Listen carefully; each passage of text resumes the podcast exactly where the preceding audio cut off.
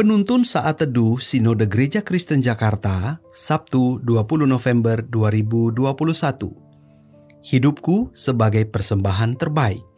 Roma 12 ayat 1 dan 2. Karena itu saudara-saudara, demi kemurahan Allah aku menasehatkan kamu, supaya kamu mempersembahkan tubuhmu sebagai persembahan yang hidup, yang kudus, dan yang berkenan kepada Allah.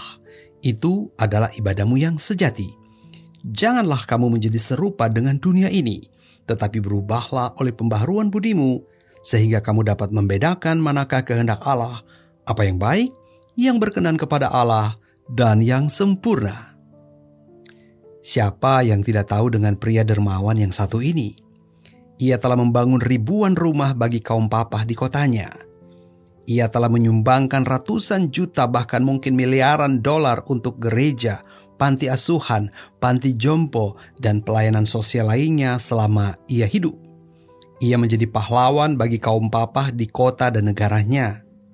Meski ia telah memberi persembahan ke gereja dan bantuan sosial dengan jumlah yang mencengangkan di mata manusia, namun itu tidak diimbangi oleh hidupnya yang berkenan kepada Tuhan. Ya, ia adalah seorang gembong narkoba terbesar di dunia yang bernama kartel dari Kolombia.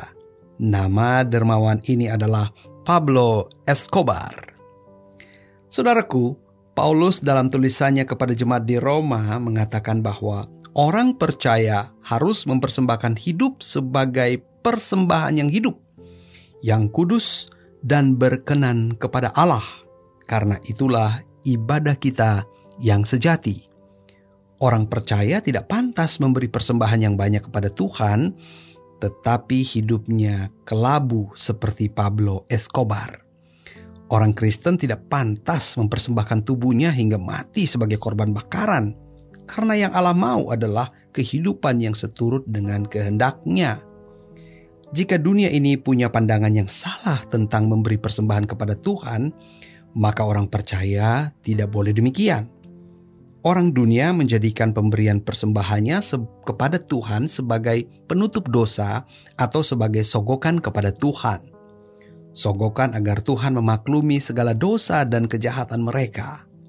Sesungguhnya, pemberian persembahan yang benar adalah menyerahkan seluruh hidup ini kepada Tuhan, yakni hidup yang mau berubah oleh pemburuan budi kita, sehingga kita dapat membedakan manakah kehendak Allah apa yang baik, yang berkenan kepada Allah, dan yang sempurna. Bila hidup kita semakin diperbarui dan mengetahui semua yang berkenan kepadanya, maka saya percaya bahwa orang percaya akan semakin tahu memberi yang terbaik kepada Tuhan.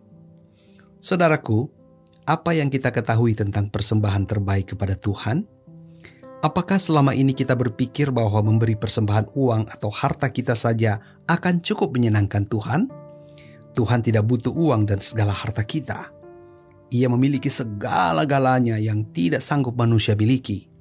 Bahkan semua itu adalah miliknya yang dititipkan pada kita.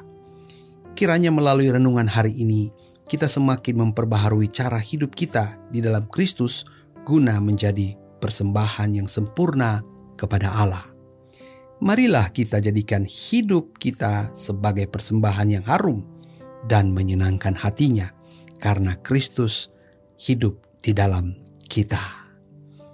Orang yang mempersembahkan hidupnya kepada Tuhan selalu tahu apa yang terbaik dan pantas baginya. Tuhan Yesus memberkati.